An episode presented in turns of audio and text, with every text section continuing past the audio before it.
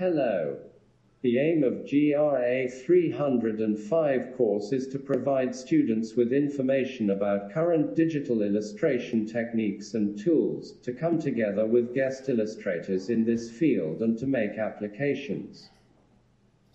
In the digital illustration course, the students will be able to explain the differences between traditional illustration and digital illustration, the current efficiency of digital production, and sample presentations from international digital illustrations. Digital illustration techniques, hand drawing or tablet sketch to prepare and transfer to digital media, digital illustration coloration, light, size and composition principles, computer programs, Adobe programs are taught to use for digital illustration. Drawings, painting, texture, light and environment additions are done.